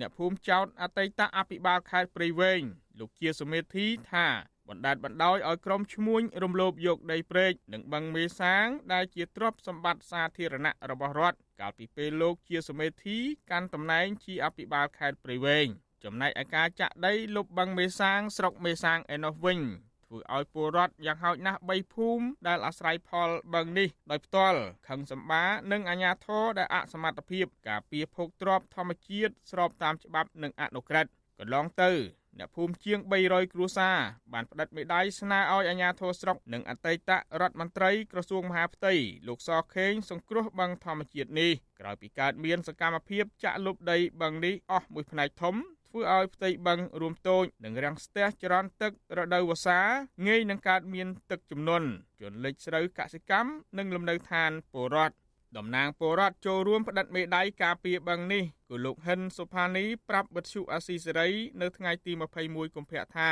មកទល់ពេលនេះអាជ្ញាធរមិនទាន់ដោះស្រាយញត្តិរបស់ពួកលោកនៅឡើយទេលោកថាបំណងពលរដ្ឋចង់ឲ្យអាជ្ញាធរកាយដីដែលចាក់លុបបឹងមេសាង ឲ្យដូចទម្រង់ដើមវិញបឹងហើយតែយើងចាក់ទៅវាប៉ះពាល់សម្បត្តិរួមសម្បត្តិរដ្ឋអីបើសំបីតែឥឡូវរីកហើយធ្វើឲ្យផ្លូវទឹកពីមុនហើយឥឡូវវាខុសគ្នាមានន័យថាផ្លូវទឹកពីមុនធំទឹកធំដល់ពេលផ្លូវទឹកពីមុខតូចវាទឹកក៏ទៅតាមនឹងដែរធ្វើឲ្យជាពលរដ្ឋ មួយចំនួននៅក្បែរកន្លងហ្នឹងគាត់ធ្វើស្រូវធ្វើស្រែទៅឥឡូវទឹកវាអស់បង់វិរៈឯបើនាំគ្នាចេះតែចាក់លុបឬបំពេញឬក៏លេងបង់ហ្នឹងនៅមិនយូរទេថាជាអស់ហើយវិទ្យុអាស៊ីសេរីមិនទាន់អាចតាក់ទងសុំការបំភ្លឺរឿងនេះពីអ្នកនាំពាក្យសាលាខេត្តព្រៃវែងលោកឈៀងសវណ្ណារា បាននៅឡើយទេនៅថ្ងៃទី21កុម្ភៈរីឯអតីតអភិបាលខេត្តព្រៃវែងលោកជាសមេធីបច្ចុប្បន្នជារដ្ឋមន្ត្រីក្រសួងសង្គមគិច្ចក៏មិនទាន់អាចតាក់ទងបានដែរនៅថ្ងៃដដែលនេះ ជុំវិញរឿងនេះអ្នកសម្របសម្រួលគម្រោងធុរកិច្ចនិងសិទ្ធិមនុស្សរបស់មជ្ឈមណ្ឌលសិទ្ធិមនុស្សកម្ពុជាលោកវ៉ាន់សុផាតពន្យល់ថាប្រសិនបើការលុបបាំងនិងព្រែកដោយគ្មានក្តីសម្រេចពីរដ្ឋាភិបាលគឺជាបទល្មើសព្រំប្រទានព្រោះតែហៅថាដីបឹងគឺជាដីសាធារណៈរបស់រដ្ឋមិនមែនជាកម្មវត្ថុនៃការលុបនៃការទិញនៃការផ្ទេរនៃការចាក់អញ្ចឹងទេហើយបើសិនជានៅជាផលប្រយោជន៍សាធារណៈរបស់រដ្ឋហ្នឹងគឺសម្រាប់ ផលប្រយោជន៍ប្រជាពលរដ្ឋខ្មែរគឺมันអាចទៅធ្វើជាកម្មវត្ថុនៃការដោះដូរទិញឬមួយលក់អីចឹងបានទេប៉ុន្តែបើសិនជាបឹងនឹងអស់ផលប្រយោជន៍សាធារណៈរបស់រដ្ឋជាពលរដ្ឋក៏លែងត្រូវការអាស្រ័យផលលែងបានអានឹងរដ្ឋអាចធ្វើអនុប្រយោគទៅជាដីឯកជនរបស់រដ្ឋពលរដ្ឋបន្ថែមថាប្រសិនបើអាជ្ញាធរនៅតែមិនដោះស្រាយញត្តិរបស់ពួកគាត់នោះទេ អ្នកភូមិនឹងពិភាក្សាគ្នាបន្ថែមទៀតដើម្បីរកមធ្យោបាយទាមទារឲ្យអាជ្ញាធរជាតិ និងស្ថាប័នពាក់ព័ន្ធសង្គ្រោះបឹងធម្មជាតិស្របតាមច្បាប់ និងគោលនយោបាយរបស់រដ្ឋាភិបាលខ្ញុំបាទហុំចម្រើនវិទ្យុអាស៊ីសេរីពីរដ្ឋធានី Washington បាទលោកនាងជាទីមេត្រីនៅឯខេត្តកំពង់ឆ្នាំងឯណោះវិញប្រជាពលរដ្ឋរងគ្រោះដីធ្លីនៅក្នុងសហគមន៍លពីងទទូចឲ្យសាឡាវធោភ្នំពេញទម្លាក់ចោលបទចោទប្រកាន់ទៅលើពួកគាត់បាទការស្នើបែបនេះគឺក្រោយពីសាឡាវធោបានចេញដីកាកោះហៅពួកគាត់ ឲ្យចូលរួមសវនាការនៅថ្ងៃទី26ខែកុម្ភៈខាងមុខនេះបាទសូមលោកអ្នកនាងស្ដាប់សេចក្តីរាយការណ៍ព័ត៌មាននេះរបស់អ្នកស្រីសុជីវីដូចតទៅពលរដ្ឋរស់នៅភូមិឡពីងឃុំតាចេះស្រុកកំពង់ត្រឡាចដែលមានចំនួនដីធ្លីរ៉ាំរ៉ៃជាមួយនឹងក្រុមហ៊ុន KDC របស់អ្នកស្រីជាខេងភរិយាអតីតរដ្ឋមន្ត្រីក្រសួងរ៉ែនិងធម្មពលលោកសុយសែមស្នើឲ្យសាលាឧទ្ធរភ្នំពេញទម្លាក់ចោលបទចោទប្រកាន់លើពួកគាត់ហើយដោះស្រាយបញ្ហាដីធ្លីឲ្យពួកគាត់ឲ្យបានឆាប់ ពលរដ្ឋរងគ្រោះដីធ្លីលោកស្ងួនញឿនប្រាប់វិទ្យុអាស៊ីសេរីថាអស់រយៈពេលជាង20ឆ្នាំមកនេះដីធ្លីរាប់ពាន់ហិកតារបស់ពលរដ្ឋត្រូវបានក្រុមហ៊ុនរំលោភយកទាំងអស់ចំណែកពួកលោកត្រូវរងភាពអយុត្តិធម៌ជាច្រើនដូចជាអ្នកខ្លះត្រូវជាប់ពន្ធនាគារអ្នកខ្លះស្លាប់និងអ្នកខ្លះទៀតរត់ចោលស្រុកដោយសារតែបញ្ហាដីធ្លីនេះ។ គ្រួសារខ្ញុំទាំងម្ដាយខ្ញុំក៏ត្រូវចាប់ចាក់គុកគឺប្អូនខ្ញុំក៏ត្រូវជាប់គុកខ្ញុំក៏ត្រូវជាប់គុកប្រពន្ធខ្ញុំត្រូវបានដកដំហែងជាគ្រូបង្រៀនហើយត្រូវជាប់ចាប់បណ្ដឹងគ្រប់បែបយ៉ាងទាំងអស់ប៉ុន្តែបែរជាតឡាការមិនដែលយករឿងរបស់ពួកខ្ញុំប្តឹងទៅកាត់ក្តីឬក៏ជំនុំជម្រះរីឯតឡាការនៅតែក្នុងបរោសោះបែរយកតែសំណុំរឿងជឿតាមការញុះញង់ទឿមការអាញាធរឬក៏តាមជារបស់ក្រុមហ៊ុនមកចោតមកលើតែពួកខ្ញុំឲ្យខ្ញុំបានរស់ស៊ីទេមួយខែមួយខែគឺជាប់ទៅជិត2ដង3ដងដោយសារតែរឿងក្រុមហ៊ុនប្តឹង ការស្នើសុំឲ្យសាលាឧទ្ធរទម្លាក់ចោលបទចោទប្រកាន់របស់ប្រជាសហគមន៍លពីងនេះធ្វើឡើងបន្ទាប់ពីពួកគាត់ទទួលបានដីកាកោះហៅឲ្យចូលសវនកម្មលើកទី1នៅថ្ងៃទី26ខែកុម្ភៈខាងមុខនេះពាក់ព័ន្ធសំណុំរឿងកាលពីឆ្នាំ2014ក្រោមបទចោទហិង្សាដោយចេតនានិងធ្វើឲ្យខូចខាតដោយចេតនាបន្ទាប់ពីម្ចាស់ក្រុមហ៊ុន KDC គឺអ្នកស្រីជាខេងបានប្តឹងទៅតុលាការពលរដ្ឋដែលរងពាក្យប្តឹងទាំងនោះរួមមានលោកស្ងួនញឿន លោកម៉ាងយ៉ាវលោកស្រុនផា លោកស្រៀងហេង លោកឡាវអេន លោកផាន់សុផាណា និងលោកគុជហុកអ្នកទាំង7នេះធ្លាប់ជាប់ពន្ធនាគារកាលពីឆ្នាំ2014រយៈពេលជាង3ខែហើយក្រោយមកក៏ត្រូវបានដោះលែងឲ្យនៅក្រៅឃុំបណ្ដោះអាសន្នវិទ្យុអាស៊ីសេរីនៅមិនទាន់អាចតាក់ទងអនុប្រធានសាលាឧទ្ធរភ្នំពេញលោកខុនលៀងមេងនិងអគ្គលេខាធិការរង អ្នកស្រីស្រេងសូយេតដើម្បីសុំបកស្រាយជុំវិញរឿងនេះបានទេ នៅថ្ងៃទី21ខែកុម្ភៈ លោកស្ងួនញឿនរំលឹកថាកាលពីឆ្នាំ2014ក្រុមហ៊ុនប្រើប្រាស់កម្លាំងប៉ូលីសនិងសន្តិសុខរាប់រយនាក់មកធ្វើបាបពលរដ្ឋដោយអ្នកខ្លះប្រើដំបងឆក់និងគប់ដុំថ្មជាច្រើនមកលើផ្ទះពលរដ្ឋបណ្ដាលឲ្យខូចខាតខ្ទេចខ្ទីតែបែរជាគ្មានទោសចំណែកពលរដ្ឋដែលគ្រាន់តែការពារខ្លួនតវ៉ាប្រឆាំងនឹងក្រុមហ៊ុនដែលរំលោភយកដីពួកគាត់បែរជាត្រូវរងពាក្យប្តឹងរហូតដល់ពេលបច្ចុប្បន្នតើតើរឿងនេះប្រធានសមាគមការពារសិទ្ធិមនុស្សអាត6លោកនីសុខាលើកឡើងថា ករណីវិវាទដីធ្លីរ៉ាំរ៉ៃរបស់សហគមន៍លពីងនេះគឺជារឿងអយុត្តិធម៌ព្រោះមានពលរដ្ឋភៀសច្រើនបាត់បង់ដីដោយពុំទទួលបានសំណងសមរម្យចំណែកអ្នកខ្លះទៀតបាត់បង់ជីវិតអំឡុងពេលចេញតវ៉ាទៀតផងដូច្នេះលោកថាស្លាវធរគួរតែពិចារណាទម្លាក់បទចោទតាមការស្នើរបស់ពលរដ្ឋយើងគិតថារឿងនេះមិនគួរតែកើតមានសម្រាប់ពួកគាត់ទេវាដោយសារតែពួកគាត់ រងនឹងអយុត្តិធម៌ម្ដងហើយម្ដងទៀតពួកគាត់អយុត្តិធម៌ដោយសារមានការបំពៀបំពៀនរំលោភទៅលើដីធ្លីរបស់ពួកគាត់ទុយទៅវិញនៅពេលដែលគាត់រកអន្តរាគមបែរជាមិនត្រូវបានដោះស្រាយទៅជាចោតប្រកាន់គាត់បន្ថែមលើសនឹងទៀតបាទអញ្ចឹងគឺថាថាអ្នកទទួលអយុត្តិធម៌ប្រជាពលរដ្ឋនៃសហគមន៍ទទួលអយុត្តិធម៌នេះគឺថាទទួលអយុត្តិធម៌ម្ដងហើយម្ដងទៀតចាប់តាំងពីមានវិវាទដីធ្លីជាមួយនឹងក្រុមហ៊ុនរបស់អ្នកស្រីជាខេងនៅក្នុងឆ្នាំ1996 ពលរដ្ឋចំនួន50គ្រួសារនៅឃុំតាចេះប្រឹងត្រដររស់ទាំងលំបាកអ្នកខ្លះស្ទើរតែដាច់ស្បៀងម្ដងម្ដង និងអ្នកខ្លះទៀតជំពាក់បំណុលដើម្បីតែយកមកទិញបាយហូបប្រចាំថ្ងៃនិងចំណាយលើការសិក្សារបស់កូនទោះជាបែបនេះក្តីប្រជាពលរដ្ឋទាំងនោះថាពួកគាត់ពុំភ័យខ្លាចឬបោះបង់គោលជំហរទាមទារយកដីពួកគាត់មកវិញទេពលរដ្ឋចង់ឃើញអាជ្ញាធរពាក់ព័ន្ធជាពិសេសនាយករដ្ឋមន្ត្រីលោកហ៊ុនម៉ាណែតគិតគូរពីជីវភាពពួកគាត់ ទម្លាក់ចោលការចោតប្រកាន់និងជួយដោះស្រាយបញ្ហាដីធ្លីឲ្យបានឆាប់ដើម្បីឲ្យពួកគាត់អាចប្រកបរបរចិញ្ចឹមជីវិតដោយពលរដ្ឋដទៃនាងខ្ញុំសុជីវី Virtual Azizi Serai ពីរដ្ឋធានី Washington បាទលោកអ្នកនាងជាទីមេត្រីឆ្លៀតនៅក្នុងឱកាសនេះដែរខ្ញុំបាទសូមជម្រាបជូនលោកអ្នកនាងថាការផ្សាយរបស់យើង គឺថាមួយរយៈពេលចុងក្រោយនេះទទួលរងនឹងការយាយីរំខានតាមគ្រប់រូបភាពមានដូចជាការផ្សាយរបស់ Virtu Azizi Serai នៅតាម Virtu រលកធាតុអាកាសខ្លីឬមួយក៏ Short Wave នោះគឺថាត្រូវបានរដ្ឋាភិបាលប្រទេសវៀតណាមប្រើប្រាស់បច្ចេកវិទ្យាទំនើបបញ្ជាមិនឲ្យអ្នកស្ដាប់នៅកម្ពុជាអាចបើកស្ដាប់បាន ហើយការផ្សាយរបស់យើងនៅតាមបណ្ដាញសង្គមវិញជាពិសេសគឺថាបណ្ដាញសង្គម Facebook វិញគឺថាទទួលរងនឹងការវាយលុកយ៉ាងច្រើនសន្ធឹកសន្ធាប់ ពីបណ្ដាញក្រុមអ្នកអុកឡុកលើបណ្ដាញសង្គមឬមួយភាសាដែលយើងហៅថាជាសាមញ្ញនោះគឺជាក្រុម MMO ដែលពួកគេនេះហាក់ដូចជាមានការរៀបចំជាប្រព័ន្ធហើយចាត់បញ្ជូនមកដើម្បីជេរប្រមាថនៅក្នុងគោលបំណងរំខានការផ្សាយរបស់យើងហើយដោយលោកអ្នកនាងឃើញហើយថានៅក្នុងសូម្បីតែនៅក្នុងកម្មវិធីផ្សាយរបស់យើងនៅពេលនេះក៏ដោយគឺថាមានការចូលមករំខានរាវឆានច្រើនមែនតែនមានដូចជាថាការផ្សាយបែបលំអៀងការផ្សាយបែកបែកអីចឹងជាដើមពេលខ្លះទៅទៀតហ្នឹងគឺថាយើងមិនទាន់បាននឹងចាប់ផ្ដើមកម្មវិធីផងពួកគេថាយើងវិភាគខុសអីចឹងទៅហើយនេះគឺជាទឹកតាំងច្បាស់ណាស់បង្ហាញថាក្រុមនេះគឺចូលមកដើម្បីមានទិសដៅតែមួយទេគឺថាអុកឡុករំខានមិនអោយលោកអ្នកនាងអាចចូលរួមបញ្ចេញមតិយោបល់បានដោយសេរីហើយនឹងត្រឹមត្រូវនោះដូច្នេះដើម្បីទប់ស្កាត់កុំអោយក្រុមរំខាននេះដូចថាចូលមករៅឆានប៉ះពាល់ទៅដល់ការបញ្ចេញមតិរបស់លោកអ្នកនាងនោះ បាទសូមលោកអ្នកនាងគឺថាកុំខ្វល់កុំរវល់ជាមួយនឹងក្រុមនេះអីលោកអ្នកនាងដែលចង់បញ្ចេញមតិយោបល់សូមលោកអ្នកនាងនៅតែដាក់មតិយោបល់របស់លោកអ្នកនាងនៅក្នុងខ្ទង់ comment Facebook ឬមួយក៏ YouTube ឬមួយក៏ Telegram របស់យើងទៅដោយកុំរវីរវល់ឬមួយក៏កុំចាប់អារម្មណ៍ទៅនឹងក្រុមនេះអីហើយកាលណាលោកអ្នកនាងកាន់តែច្រើនចូលមកបញ្ចេញមតិយោបល់ពិតប្រាកដនោះគឺថា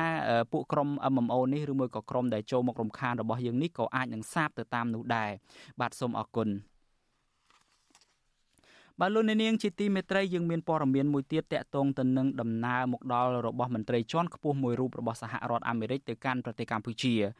បាទសហរដ្ឋអាមេរិកបញ្ជាក់ពីជំហរទៅលើកិច្ចសហប្រតិបត្តិការជាមួយនឹងរដ្ឋាភិបាលកម្ពុជាស្ដីពីសវត្ថិភាពនុយក្លេអ៊ែរនិងការត្រៀមបង្ការវិទ្យុសកម្មសម្រាប់គ្រាអាសន្ន បាទការបញ្ជាក់ជំហរបែបនេះគឺធ្វើឡើងនៅក្នុងជំនួបរវាងនាយករងប្រចាំការរដ្ឋបាលជាតិសន្តិសុខអាវុធនុយក្លេអ៊ែររបស់សហរដ្ឋអាមេរិកគឺលោក Frank Rose ជាមួយនឹងរដ្ឋលេខាធិការពីរនាក់នៃក្រសួងរ៉ែនិងធម្មពលគឺលោកអឹងអៀងនិងលោកលីវ៉ាណានៅថ្ងៃទី21ខែកុម្ភៈនេះ។ បាទនៅថ្ងៃដដែលនេះលោក Frank Ross ក៏បានជួបពិភាក្សាដាច់ដោយឡែកជាមួយនឹងមន្ត្រីក្រសួងការបរទេសស្ដីពីកិច្ចសហប្រតិបត្តិការទៅលើកិច្ចពង្រឹងការទប់ស្កាត់ការរីកសាយនិងសន្តិសុខនុយក្លេអ៊ែរផងដែរបាទនៅក្នុងពេលបំពេញទស្សនកិច្ចនៅកម្ពុជានេះលោក Frank Ross ក៏នឹងត្រូវជួបពិភាក្សាជាមួយនឹងមន្ត្រីកំពង់ផែនិងគយហើយប្រស្រ័យជាមួយនិស្សិតសាកលវិទ្យាល័យស្ដីពីសន្តិសុខតាមប្រព័ន្ធអ៊ីនធឺណិតមុនពេលបន្តដំណើររបស់លោកទៅប្រទេសវៀតណាមទៀតនោះ។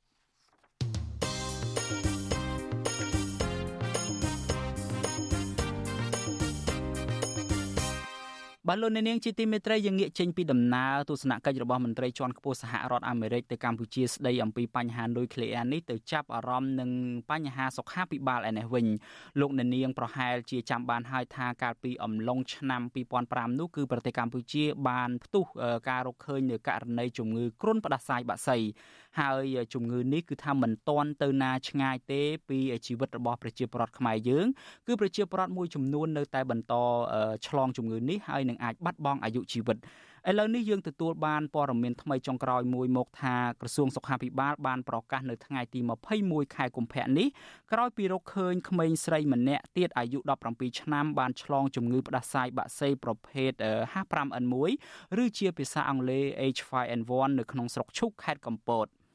ក្រសួងសុខាភិបាលឲ្យដឹងថាក្មេងស្រីនេះមានអាការៈគ្រុនក្តៅក្អកហត់និងពិបាកដកដង្ហើមបច្ចុប្បន្នស្ថានភាពអ្នកជំងឺបានធូរស្រាលនិងកំពុងទទួលបានការថែទាំពីសំណាក់ក្រុមគ្រូពេទ្យក្រសួងសុខាភិបាលឲ្យដឹងទៀតថាមុនពេលចាប់ផ្ដើមឈឺនៅផ្ទះក្មេងស្រីនោះមានសត្វមាន់ងាប់ចំនួន7ក្បាល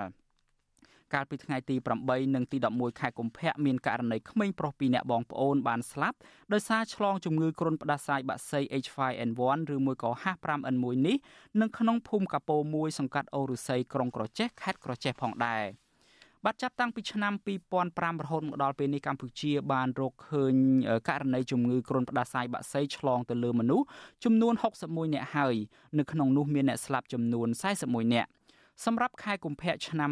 2024នេះមានករណីឆ្លងជំងឺផ្ដាសាយបាក់សី3នាក់ហើយក្នុងនោះ2នាក់បានស្លាប់ក្រសួងសុខាភិបាលបន្តក្រើនរំលឹកដល់ប្រជាពលរដ្ឋឲ្យប្រុងប្រយ័ត្នជាប់ជានិច្ចចំពោះជំងឺគ្រុនផ្ដាសាយបាក់សីពីព្រោះជំងឺនេះនៅតែបន្តគំរាមកំហែងសុខភាពប្រជាពលរដ្ឋខ្មែរជាទូទៅបាទដើម្បីបង្ការជំងឺនេះក្រសួងសុខាភិបាលណែនាំឲ្យប្រជាពលរដ្ឋលាងដៃជាមួយសាប៊ូនៅមុនពេលបរិភោគនិងក្រោយពីប៉ះពាល់ជាមួយបាក់សី ដាក់កុមារឲ្យនៅឆ្ងាយពីសត្វបក្សីនិងដាក់សត្វបក្សីឲ្យនៅឆ្ងាយពីកន្លែងរស់នៅកុំបរិភោគសត្វបក្សីដែលឈឺឬមួយក៏ងាប់ហើយរាល់បក្សីដែលធ្វើសម្រាប់បរិភោគនោះត្រូវតែចម្អិនឲ្យបានឆ្អិនល្អ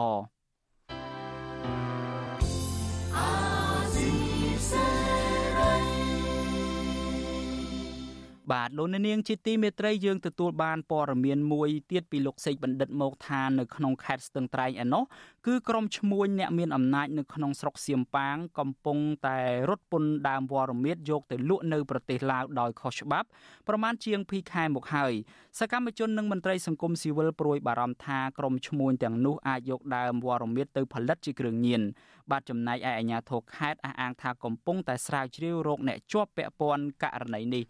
បាទខ្ញុំបាទសូមកែតម្រូវបន្តិចសេចក្តីរាយការណ៍នេះគឺរាយការណ៍ដោយអ្នកស្រីសុជីវីទេគឺមិនមែនលោកសេចបណ្ឌិតទេដូច្នេះសូមលោកអ្នកនាងស្ដាប់សេចក្តីរាយការណ៍ព័ត៌មានដាច់ដライមួយទៀតរបស់អ្នកស្រីសុជីវីអំពីរឿងនេះដូចតទៅអស់រយៈពេលជាង2ខែមកហើយដែលគេឃើញមានគោយន្តជាច្រើនគ្រឿងបានចូលទៅក្នុងឧស្សាហជាតិវីរៈជ័យដើម្បីកាប់ដើមវល្លិមៀតនៅត្រង់ចំណុចភ្នំប៉ុងប៉ាយអូកំពី ភ្នំស្វាយភ្នំវែងអូដាក់លៀបអូចាយ និងដឹកជញ្ជូនទៅលក់ឲ្យឈ្មួញស្ថិតនៅភូមិសមឃុំសេកុងស្រុកសៀមប៉ាង ហើយក្រុមឈ្មួញដឹកជញ្ជូនបន្តតាមរថយន្តសាំយ៉ុងទៅលក់នៅប្រទេសឡាវតាមច្រកដងក្រឡនៃស្រុកបរិយអូស្វាយសែនជ័យខេត្តស្ទឹងត្រែងពលរដ្ឋនៅភូមិសមសូមមិនបញ្ចេញឈ្មោះឲ្យដឹងថា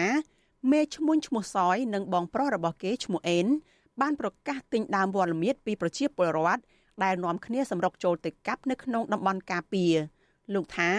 ពួកគេមិនបានដឹងថាក្រុមឈ្មួញយកដើមវល្លិមៀតទាំងនោះទៅធ្វើអ្វីឡើយហើយក៏មិនដឹងថារុក្ខជាតិមួយនេះច្បាប់ហាមឃាត់នោះដែរប៉ុន្តែមេឈ្មួញបានបញ្ជាក់ប្រាប់អ្នកភូមិយ៉ាងខ្លីថាពួកគេបានបង់ប្រាក់ទៅឲ្យសមត្ថកិច្ចរួចរាល់ហើយចំណែកអ្នកកាប់ដើមវល្លិមៀតម្នាក់នៅភូមិគិរីបាលើលោកបាំងជ្រើបឲ្យដឹងថាលោកលក់បាន500រៀលនៅក្នុង1គីឡូក្រាមហើយលោកនិងអ្នកភូមិដទៃទៀតនាំគ្នាចូលទៅកាប់ដើមវល្លិមៀតនៅក្នុងឧស្សាហជាតិវិរៈជ័យ ដោយមានការអនុញ្ញាតពីអាជ្ញាធរពាក់ព័ន្ធនៅតំបន់នោះលោកបន្ថែមថាអ្នកភូមិមិនបានដឹងថាក្រុមឈ្មួញទាំងនោះយកដើមល្មៀតនោះទៅធ្វើអ្វីឡើយពេលកាលអ្នកខ្លះទៅកាប់ចុងអូចន្តង់នោះក៏មានវិជ័យបាទបាទវិជ័យខ្លះពីព្រោះខាងនោះគេអនុញ្ញាតឲ្យតោខាងវិជ័យគេអនុញ្ញាតតោមេឃុំសេកុងលោកច័ន្ទស្រួយប្រាប់វិទ្យុអាស៊ីសេរីនៅថ្ងៃទី21ខែកុម្ភៈថានៅស្រុកសៀមប៉ាងពិតជាមានការកាប់ប្រមូល និងទិញដើមវល្លិមៀតមែនហើយមេឈ្មោះនោះជានរណា លោកមិនបានដឹងនោះទេ ពីព្រោះលោកកំពុងជាប់រវល់ឃោសនារោគសម្លេងឆ្នោតខ្ញុំជាប់ចិត្តបោះឆ្នោតបើខ្ញុំខ្ញុំអាចបានទោះជាប់តាមភូមិឯងបងតស៊ូទៅជំនាញឯនោះខ្ញុំអត់ដឹងឃើញតែអ្នកស្រុកអ្នកភូមិគាត់រោបាយទឹកគាត់ហ្នឹងរីឯសកម្មជនចលនាមេដាធម្មជាតិលោកលីច័ន្ទដារាវុធមានការព្រួយបារម្ភខ្លាចក្រុមឈ្មួញទាំងនោះយកដើមវល្លិមៀតទៅផលិតជាគ្រឿងញៀនពីព្រោះរុក្ខជាតិមួយប្រភេទនេះអាចផលិតជាគ្រឿងញៀនបាន លោកទទូចឲ្យអាជ្ញាធរជំនាញចុះទប់ស្កាត់ជាបន្ទាន់ដោយសារការរត់ពន្ធដើមវល្លិមៀតនេះគឺជាទង្វើខុសច្បាប់ ហើយខ្ញុំបារម្ភដែរចំពោះក្នុងករណីនេះគឺថាយើងនាំវល់លំបៀតចេញទៅឡាវមែនប៉ុន្តែក្រោយពីចេញទៅឡាវហើយវល់លំបៀតហ្នឹងគឺវាយើងអាចសង្ស័យបានថាគេនឹងយកទៅផលិតគ្រឿងញៀនហើយអ្វីដែលខ្ញុំបារម្ភហ្នឹងគឺគេនឹងនាំចូលមកកម្ពុជាវិញដែលធ្វើឲ្យយើងខាតបង់អត់អស់លុយជិតរាប់រយលានដុល្លារហើយនឹងខាតបង់ធនធានមនុស្សដែលរងគ្រោះដោយសារគ្រឿងញៀនហ្នឹងបាទហើយជាក់ស្ដែងយើងឃើញហើយថាដែលរងគ្រោះនៅក្នុងប្រទេសកម្ពុជាហ្នឹងមានច្រើនមែនទែនជុំវិញរឿងនេះអ្នកនាំពាក្យសាលាខេត្តស្ទឹងត្រែងលោកម៉ែនគង់ឲ្យដឹងថាអាជ្ញាធរខេត្ត បង្ក្រាបជាបន្តបន្ទាប់ចំពោះករណីទាំងនេះហើយអាជ្ញាធរក៏កំពុងស្រាវជ្រាវរកអ្នកជាប់ពាក់ព័ន្ធមកអនុវត្តតាមច្បាប់កម្លាំងសមត្ថកិច្ចគាត់ធ្វើការងារហើយកន្លងមកហើយក៏បានខាត់ប្រមាណរថយន្តរួចហើយតាក់ទងការងារហ្នឹងគាត់បានអនុវត្តតាមវិធីហើយធ្វើកិច្ចការងារហ្នឹងជាប្រចាំហើយហើយក្នុងករណីដែលមានជនខិលខូចណានៅទៅលួចប្រព្រឹត្តទៀតគឺបន្តស្រាវជ្រាវនិងអនុវត្តតាមច្បាប់បាទបាទខ្ញុំទទួលយកព័ត៌មានសិនហើយខ្ញុំនឹងស្រាវជ្រាវព័ត៌មានបន្ថែមទៀតតាក់ទងកិច្ចការងារនេះបាទក្នុងករណីចាំបាច់តាក់ទងគ្នាពេលក្រោយខ្ញុំនឹងជម្រាបជូន ទំព័រ Facebook របស់ស្នងការដ្ឋាននគរបាលខេត្តស្ទឹងត្រែងបង្ហាញថាសមត្ថកិច្ចជំនាញខាងប្រឆាំងបទល្មើសសេដ្ឋកិច្ចបានចាប់រថយន្តសាមយងចំនួន2គ្រឿងដែលបានដឹកដើមវល្លិមៀតចំនួន4តោនស្មើនឹង80ការ៉ុងដែលបំរុងដឹកជញ្ជូនឆ្លងដែននៅត្រង់ព្រំដែនកម្ពុជាឡាវស្ថិតនៅក្នុងភូមិអូស្វាយឃុំអូស្វាយស្រុកបូរីអូស្វាយសែនជ័យខេត្តស្ទឹងត្រែង កាលពីថ្ងៃទី12ខែកុម្ភៈតែកតិនបញ្ហានេះ នាយករងទទួលបន្ទុកកិច្ចការទូតនៃអង្គការការពារសិទ្ធិមនុស្សលីកាដូលោកអំសំអាតយល់ឃើញថារដ្ឋាភិបាលអាណត្តិថ្មីត្រូវចុះសិក្សាស្រាវជ្រាវរោគអ្នកជាប់ពាក់ព័ន្ធនិងអនុវត្តច្បាប់ឲ្យបានតឹងរឹងទៅលើជនល្មើសរោគស៊ីជួញដូរវត្តល្មៀតនេះ ហើយបើសិនជាអាជ្ញាធរលោកធ្វើការស៊ើបអង្កេតមិនរកទៅឃើញថាមានមន្ត្រីណាឬក៏ជនណាដែលពាក់ព័ន្ធនឹងការនៅពីក្រោយខ្នងឬក៏ការចូលរួមនៅក្នុងការរកនាំចេញនៅអវត្តមានដែលខុសច្បាប់ទេត្រូវចាត់វិធានការតាមផ្លូវច្បាប់ឲ្យខាងទៅបានតែបានការអនុវត្តច្បាប់វាមានប្រសិទ្ធភាពបាទកាលពីចុងឆ្នាំ2016ក្រុមហ៊ុនជីងយွန်ហ្វីងលៀននិងក្រុមហ៊ុនឆៃជីងហៀងគ្រុ បបានសាងសង់រោងចក្រកែច្នៃដើមវល្លិមៀតស្ថិតនៅឃុំឫស្សីជ្រុំស្រុកថ្មបាំងខេត្តកោះកុងដោយក្រុងប្រមូលទិញវល្លិមៀតនៅក្នុងតំបន់ការពារធម្មជាតិភូមិសាស្ត្រខេត្តកោះកុងប៉ុន្តែត្រូវក្រសួងបរិស្ថានបញ្ជាឲ្យបិទកន្លែងកែច្នៃវល្លិមៀតនោះវិញភ្លាមបន្ទាប់ពីមានការផ្សព្វផ្សាយជាសាធារណៈវល្លិមៀតជាប្រភេទរុក្ខជាតិវល្លិម្យ៉ាងដែលមានក្លិនក្រពុលមានរសជាតិជូរអែមដូចស្ពាន់ធ័រលាយជាមួយស្ករត្នោត វាជាសារធាតុមេសម្រាប់ផលិតគ្រឿងញៀនជាពិសេសអ៊ិកស្តាស៊ីច្បាប់ស្តីពីព្រៃឈើឆ្នាំ2002មាត្រា32ចែងហាមឃាត់មិនឲ្យមានការបង្កើតមូលដ្ឋានកែច្នៃវល្លិមៀតចំណែកមាត្រា97ចែងថាការបង្កើតមូលដ្ឋានកែច្នៃវល្លិមៀតឬមូលដ្ឋានសិប្បកម្មអនុផលព្រៃឈើផ្សេងទៀតដែលនាំមកនូវការបំផ្លាញព្រៃឈើនិងមជ្ឈដ្ឋានព្រៃឈើត្រូវផ្ដន្ទាទោសដាក់ពន្ធនាគារពី5ឆ្នាំទៅ10ឆ្នាំនេះខ្ញុំសុជីវី វិទ្យុអាស៊ីសេរីពីរដ្ឋធានី Washington បាទលោកនាងជាទីមេត្រីនៅក្នុងខេត្តកោះកុងឯណោះវិញក្រមយុវជនចលនាមេដាធម្មជាតិបានរកឃើញថាទឹកធ្លាក់រូងប្រជៀវដែលស្ថិតនៅក្នុងតំបន់អេកូទេសចរជីផាត់នៃនៃស្រុកស្រែអំបិលខេត្តកោះកុងកំពុងទទួលរងការបំផ្លិចបំផ្លាញជាខ្លាំងដោយសារតែមានអាជីវកម្មថ្មរបស់អ្នកមានលុយមានអំណាចកំពុងតែមានវត្តមានក្បែរទីតាំងនោះ វីដេអូខ្លីមួយដែលក្រុមយុវជនមេដាធម្មជាតិបានបង្ហោះនៅលើបណ្ដាញសង្គម Facebook នៅថ្ងៃទី21ខែកុម្ភៈនេះបានបង្ហាញថាទឹកធ្លាក់រូងប្រជៀវដែលធ្លាប់តែថ្លានិងមានព្រៃឈើព័ទ្ធជុំវិញនោះបានប្រែទៅជាល្អក់និងមានធូលីដីហុយពេញតំបន់នោះពួកគាត់បានទាមទារឲ្យអាជ្ញាធរបញ្ឈប់អាជីវកម្មមួយនេះដើម្បីថែរក្សាតំបន់អេកូទេសចរធម្មជាតិមួយនេះ បាទជាបន្តទៅទៀតនេះខ្ញុំបាទនឹងមានបទសម្ភាសន៍ផ្ទាល់មួយជាមួយនឹងយុវជនមួយរូបដែលជាសកម្មជនចលនាមេដាធម្មជាតិគឺយុវជនផៃផាន់យ៉ាបាទខ្ញុំបាទសូមជម្រាបសួរផាន់យ៉ាពីចម្ងាយផងបាទបាទជំរាបសួរបាទអរគុណច្រើនមែនទែនផាន់យ៉ាផាន់យ៉ាគឺជាយុវជនថ្មីចូលរួមជាមួយកម្មវិធីរបស់ស៊ីសេរីនៅពេលនេះប៉ុន្តែផាន់យ៉ាបានធ្វើសកម្មភាពជាមួយនឹងក្រុមចលនាមេដាធម្មជាតិនេះយូរមកហើយដូច្នេះកុំឲ្យខាតពេលវេលាយូរខ្ញុំបាទចង់សាកសួរផាន់យ៉ាតែម្ដងទៅចំពោះការរកឃើញរបស់ក្រមយុវជនចលនាមេដាធម្មជាតិករណីការបំផ្លិចបំផ្លាញនិងការបំពុលនៅក្នុងតំបន់អេកូទេសចរជីផាត់ក្នុងករណីនៅក្នុងទឹកធ្លាក់រូងបជាវនេះថាតើក្រមយុវជនមេដាធម្មជាតិមើលឃើញថាស្ថានភាពនៃការបំពុលបរិស្ថាននិងការធ្វើឲ្យខូចខាតតំបន់មួយនេះមានសភាពធ្ងន់ធ្ងរក្នុងកម្រិតណាមួយដែរបាទ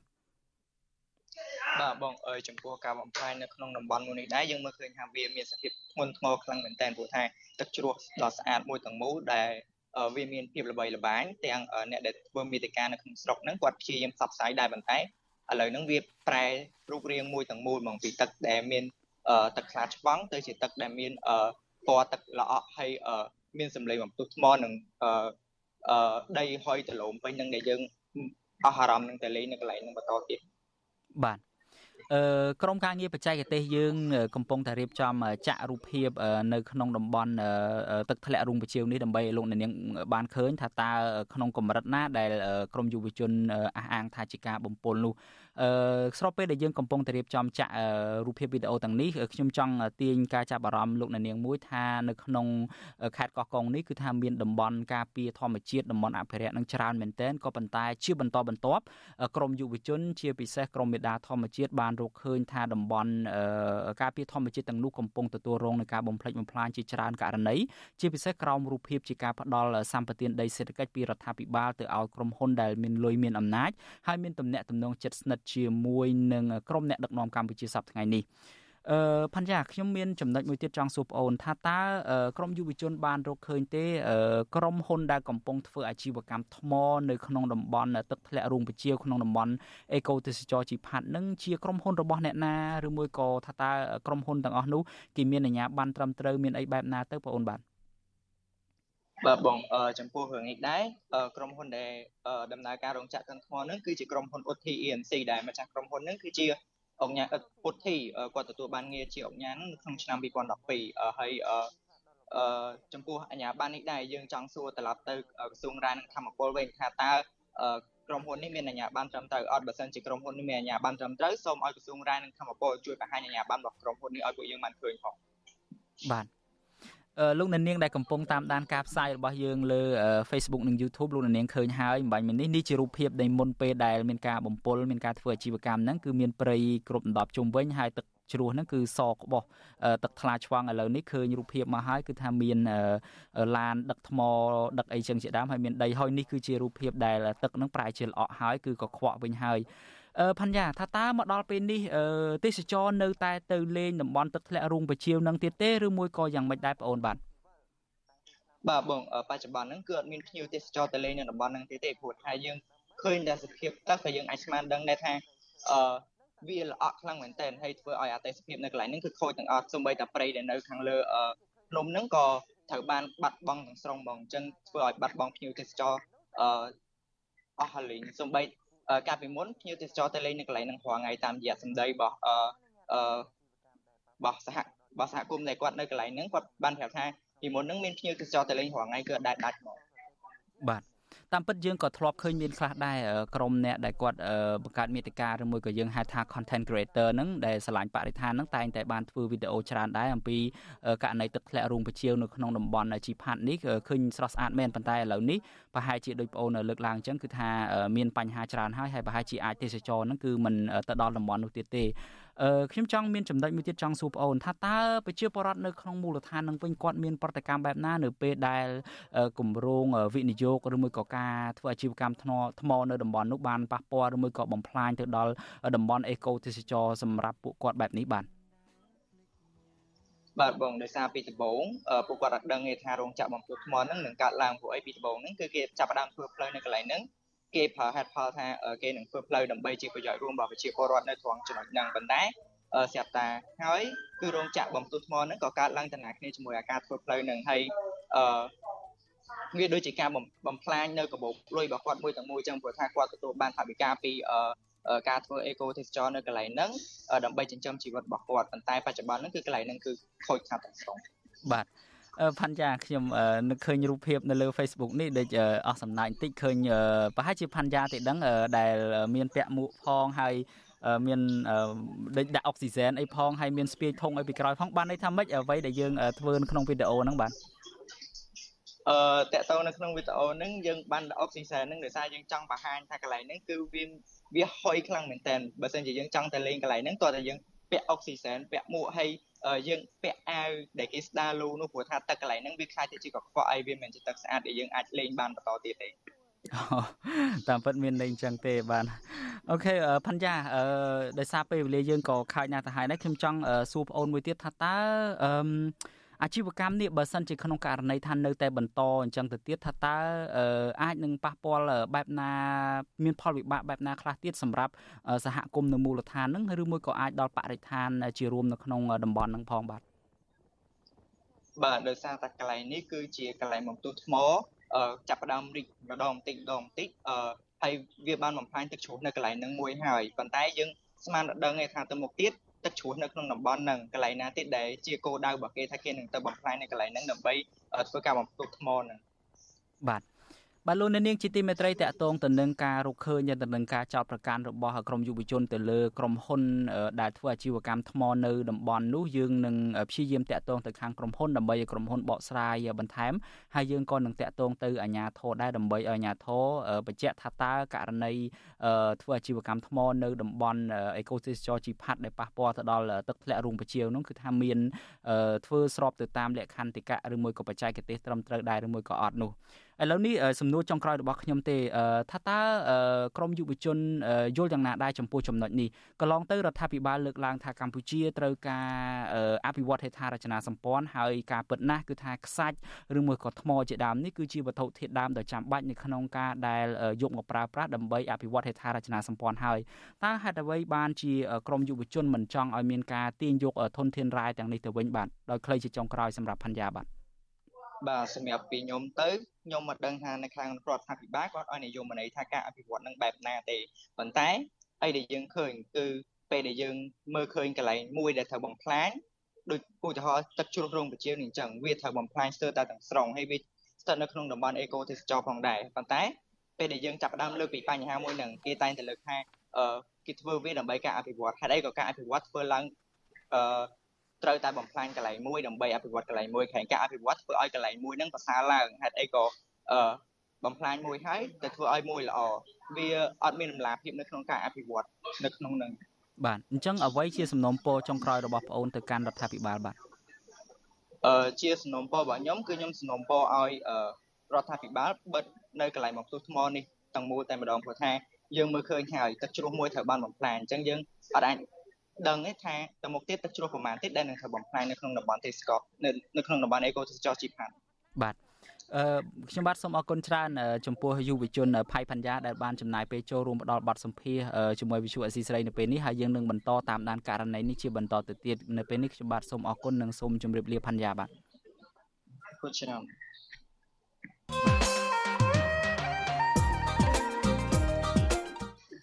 បាទលោកអ្នកនាងជាទីមេត្រីឆ្លៀតនៅក្នុងឱកាសនេះដែរខ្ញុំបាទសូមជម្រាបជូនលោកអ្នកនាងថាមួយរយៈពេលចុងក្រោយនេះវិទ្យុអាស៊ីសេរីបានទទួលសំណូមពរច្រើនណាស់ពីប្រិយមិត្តអ្នកស្ដាប់របស់យើងតាក់ទងទៅនឹងការដាក់ចំណងជើងដែលមានលក្ខណៈផ្ទុយពីខ្លឹមសារព័ត៌មាន ខ្ញុំបាទសូមជម្រាបជូនលោកអ្នកនាងថាការដាក់ចំណងជើងទាំងនោះមានដូចជាការដាក់ថាឧទាហរណ៍ថា Vivo ហើយលោកហ៊ុនសែនត្រូវតុលាការព្រហ្មទណ្ឌអន្តរជាតិ ICC យកទៅកាត់ទោសឬមួយក៏ថាបើមិនដោះលែងអ្នកស្រីកញ្ញាសេងធីរីទេគឺថាចប់ហើយហ៊ុនសែនអីនោះគឺការដាក់ចំណងជើងប្រភេទនេះមិនមែនជាការដាក់ចំណងជើងរបស់វិទ្យុអាស៊ីសេរីយើងខ្ញុំទេបាទ យើងខ្ញុំសូមជម្រាបជូនលោកអ្នកនាងថាការដាក់ចំណងជើងដែលខុសឬមួយក៏ផ្ទុយពីខ្លឹមសារទាំងនេះគឺជាការបោកប្រាស់របស់ក្រុមអ្នករកស៊ីតាម YouTube ដើម្បីរកលុយតែប៉ុណ្ណោះបាទពួកគេបានលួចយកខ្លឹមសារនៃការផ្សាយរបស់ Virtual Azizi Serai ទៅកាត់តរួចក៏បដូរចំណងជើងទៅតាមរបៀបប្លែកៗហួសហេតុដែលខុសពីការពិត ហើយនៅក្នុងគោលបំណងសំខាន់នោះគឺថាដើម្បីតាក់ទាញចិត្តលោកអ្នកនាងកញ្ញាឲ្យទៅចុចស្ដាប់ឬមួយក៏ទស្សនា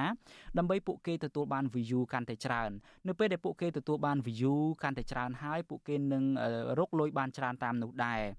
អាស៊ីសេរីសូមបញ្ជាក់ថាយើងមិនដែលដាក់ចំណងជើងដែលផ្ទុយពីខ្លឹមសារបែបនេះទេលោកអ្នកនាងកញ្ញាអាចចូលរួមទប់ស្កាត់ការបោកប្រាស់ទាំងនេះបានដោយឈប់ចុចឬមួយក៏ឈប់ចុចចូលទៅទស្សនាការចុះផ្សាយណាដែលដាក់ចំណងជើងខុសប្លែកគួរឲ្យសង្ស័យទាំងនោះជាពិសេសទៅទៀតនោះប្រសិនបើលោកអ្នកនាងចង់តាមដានព័ត៌មានដែលស៊ីសេរីផ្សាយជាផ្លូវការតាមបណ្ដាញសង្គម YouTube នោះលោកអ្នកនាងអាចចូលទៅក្នុង Channel របស់ស៊ីសេរីតែម្ដងទៅគឺមានអាសយដ្ឋាន www.youtube.com/@rfa ខ្មែរបាទសូមអរគុណបាទលោកនាងជាទីមេត្រីព័ត៌មានចុងក្រោយដែលចូលមកបិទបញ្ចប់កម្មវិធីរបស់យើងនៅពេលនេះគឺតាក់ទងទៅនឹងដំណោះស្រាយរវាងក្រុមហ៊ុន ជាមួយនឹងប្រជាពលរដ្ឋដែលបានទិញបរិយឬមួយក៏ដែលបានទិញដីហើយទិញដីផ្ទះហើយប៉ុន្តែមិនទទួលបានផ្ទះនោះ បាទសង្គមស៊ីវិលស្នើរដ្ឋាភិបាលរកដំណោះស្រាយដល់ពលរដ្ឋដែលតវ៉ាជាមួយនឹងក្រុមហ៊ុនអុកញ៉ាលេងចាណាជាជាងគ្រាន់តែចេញមុខច្រានចោលថារដ្ឋាភិបាលមិនពាក់ព័ន្ធទៅនឹងអ្នកជំនួញរូបនេះបាទយើងប្រកុលនេតិនេះជូនលោកជីវិតារាយការណ៍ជូនលោកអ្នកនាងការស្នើសុំរបស់មន្ត្រីសង្គមស៊ីវិលនេះធ្វើឡើងក្រោយពីមានសេចក្តីប្រកាសព័ត៌មានរបស់ក្រុមអ្នកណែនាំពាក្យនាយករដ្ឋមន្ត្រីនៅថ្ងៃទី21កុម្ភៈដោយច្រានចោលការផ្សព្វផ្សាយព័ត៌មានដែលថាលោកហ៊ុនម៉ាណែតមានជាប់ពាក់ព័ន្ធ ឬនៅពីក្រោយខ្នងក្រុមហ៊ុន Brilliant City របស់អុកញ៉ាលេងចាន់ណាប្រពន្ធដដែលបញ្ជាក់ថាកន្លងមកមានការផ្សព្វផ្សាយតាមបណ្ដាញសង្គមនានាថាលោកហ៊ុនម៉ាណែតជាអ្នកបង្កើតសមាគមពលករនិងអតីតពលករដែលមានអុកញ៉ាលេងចាន់ណាជាប្រធាន ដែលធ្វើឲ្យសាធារណជនមានការភ័ន្តច្រឡំនិងប៉ះពាល់ដល់កិត្តិយសលោកហ៊ុនម៉ាណែតប្រពន្ធដដែលឲ្យដឹងទៀតថាលោកហ៊ុនម៉ាណែតមិនគាំទ្រ ឬនៅពីក្រោយខ្នងអំពើខុសច្បាប់របស់បុគ្គលណាម្នាក់ព្រមទាំងជំរុញឲ្យអាជ្ញាធរអនុវត្តច្បាប់លើបុគ្គលដែលយកឈ្មោះលោកហ៊ុនម៉ាណែតទៅពាក់ព័ន្ធនឹងអំពើខុសច្បាប់ការចេញមកបំភ្លឺរបស់រដ្ឋាភិបាលនេះធ្វើឡើងក្រោយពីមានការតវ៉ារបស់ពលរដ្ឋដែលបានដាក់ប្រាក់វិនិយោគជាមួយក្រុមហ៊ុនរបស់អុកញ៉ាលេងចាន់ណាទាមទារឲ្យក្រុមហ៊ុនសងប្រាក់ដើមនិងការប្រាក់ដែលក្រុមហ៊ុននេះជំពាក់ពួកគេនឹងក្រោយពីមានការផ្សព្វផ្សាយវីដេអូរបស់អុកញ៉ាលេងចាន់ណាដែលនិយាយថា ក្រុមហ៊ុនរបស់អ្នកស្រីមានលោកហ៊ុនម៉ាណែតនៅពីក្រោយខ្នងអ្នកសិក្សាផ្នែកច្បាប់លោកវ៉ាន់ចាន់ឡូតលើកឡើងថាការឆ្លើយតបរបស់រដ្ឋាភិបាលនេះមិនទាន់អាចឲ្យពលរដ្ឋទទួលយកបានទេលោកវ៉ាន់ចាន់ឡូតបញ្ជាក់បន្ថែមថារដ្ឋាភិបាលគួរចេញមុខរកដំណោះស្រាយឲ្យប្រជាពលរដ្ឋដោយយុត្តិធម៌និងតម្លាភាពដើម្បីបង្ហាញថារដ្ឋាភិបាលមានភាពឯករាជ្យពិតប្រាកដ រដ្ឋាភិបាលខ្លួនឯងក៏គួរតែពិនិត្យមើលទៅលើទំនាក់ទំនងជាពិសេសគឺការដែលទទួលយកនៅអំណោយពីអ្នកជំនួញហើយក៏ដូចជាសេចក្តីសម្រេចរបស់រដ្ឋាភិបាលនៅក្នុងការកាត់ជ្រៀលដីទ្រព្យសម្បត្តិរបស់ជាតិហ្នឹងទៅឲ្យវិស័យឯកជនវិទ្យុអាស៊ីសេរីមិនអាចសុំការបំភ្លឺបញ្ហានេះពីអ្នកស្រីលេងច័ន្ទណាបានទេ នៅថ្ងៃទី21កុម្ភៈ ប្រធានមជ្ឈមណ្ឌលប្រជាពលរដ្ឋដើម្បីអភិវឌ្ឍនិងសន្តិភាពលោកយងកំឯងលើកឡើងថារដ្ឋាភិបាលគួរតែអន្តរាគមន៍លើក្រុមហ៊ុនដែលបោកលុយរបស់ពលរដ្ឋទៅធ្វើជាដើមទុនរកស៊ីរបស់ខ្លួន លោកបន្តថារដ្ឋាភិបាលគួរតែចូលរួមបំបត្តិករណីនេះដើម្បីបង្ការមិនឲ្យកើតមានតទៅទៀតថាបញ្ហាអស់ហ្នឹងវានឹងកើតមានរៀលដាលជាច្រើនទៀតបាទពីព្រោះថា រឿងករណីក្រុមហ៊ុនការដាក់លុយដាក់អីនេះគឺមានភាពស្មុគស្មាញច្រើនណាស់ហើយក៏ដែលជាបញ្ហាមួយដ៏គ្រោះថ្នាក់ដែរប៉ុន្តែយើងឃើញថាកន្លងមកហេតុអីបានជារដ្ឋាភិបាលលោកចេះតែផ្ដល់អាជ្ញាប័ណ្ណអ្នកស្រីលេងច័ន្ទណាគឺជាប្រធានក្រុមហ៊ុន Brilliant City ដែលបោះទុនរកស៊ីលក់បូរីនៅខេត្តសៀមរាបចាប់តាំងពីឆ្នាំ2022មកគឺជាបុគ្គលដែលមានទំនាក់ទំនងជិតស្និទ្ធជាមួយលោកនាយករដ្ឋមន្ត្រីហ៊ុនម៉ាណែតក្រោយពីការតវ៉ារបស់ពលរដ្ឋអ្នកស្រីលេងច័ន្ទណាបានលើកឡើងក្នុងคลิปវីដេអូថាអ្នកស្រីមិនញញើតនឹងបុគ្គលណាទេព្រោះក្រុមហ៊ុនរបស់អ្នកស្រីជាដៃគូរបស់រដ្ឋាភិបាលនិងត្រូវបានជួយជ្រោមជ្រែងដោយរដ្ឋាភិបាលរីឯសមាគមរបស់អ្នកស្រីបង្កើតឡើងដោយលោកហ៊ុនម៉ាណែត និងគម្រាមថតរូបប្រជាពលរដ្ឋដែលតវ៉ាទៀតផងខ្ញុំជីវិតាអាស៊ីសេរីបាទលោកអ្នកនាងជាទីមេត្រីការផ្សាយរយៈពេល1ម៉ោងរបស់វិទ្យុអាស៊ីសេរីនៅយប់នេះឈានមកដល់ទីបញ្ចប់ត្រឹមតែប៉ុណ្ណេះហើយបាទខ្ញុំបាទយ៉ងច័ន្ទដារារួមទាំងក្រុមការងារទាំងអស់នៃវិទ្យុអាស៊ីសេរីសូមជូនពរដល់លោកអ្នកនាងព្រមទាំងក្រុមគ្រួសារទាំងអស់ឲ្យជួបប្រកបតែនឹងសេចក្តីសុខចម្រើនរុងរឿងកំបីគ្លៀងគ្លាតឡើយបាទនៅពេលនេះខ្ញុំបាទសូមអរគុណនិងសូមជម្រាបលា រាត្រីសួស្តី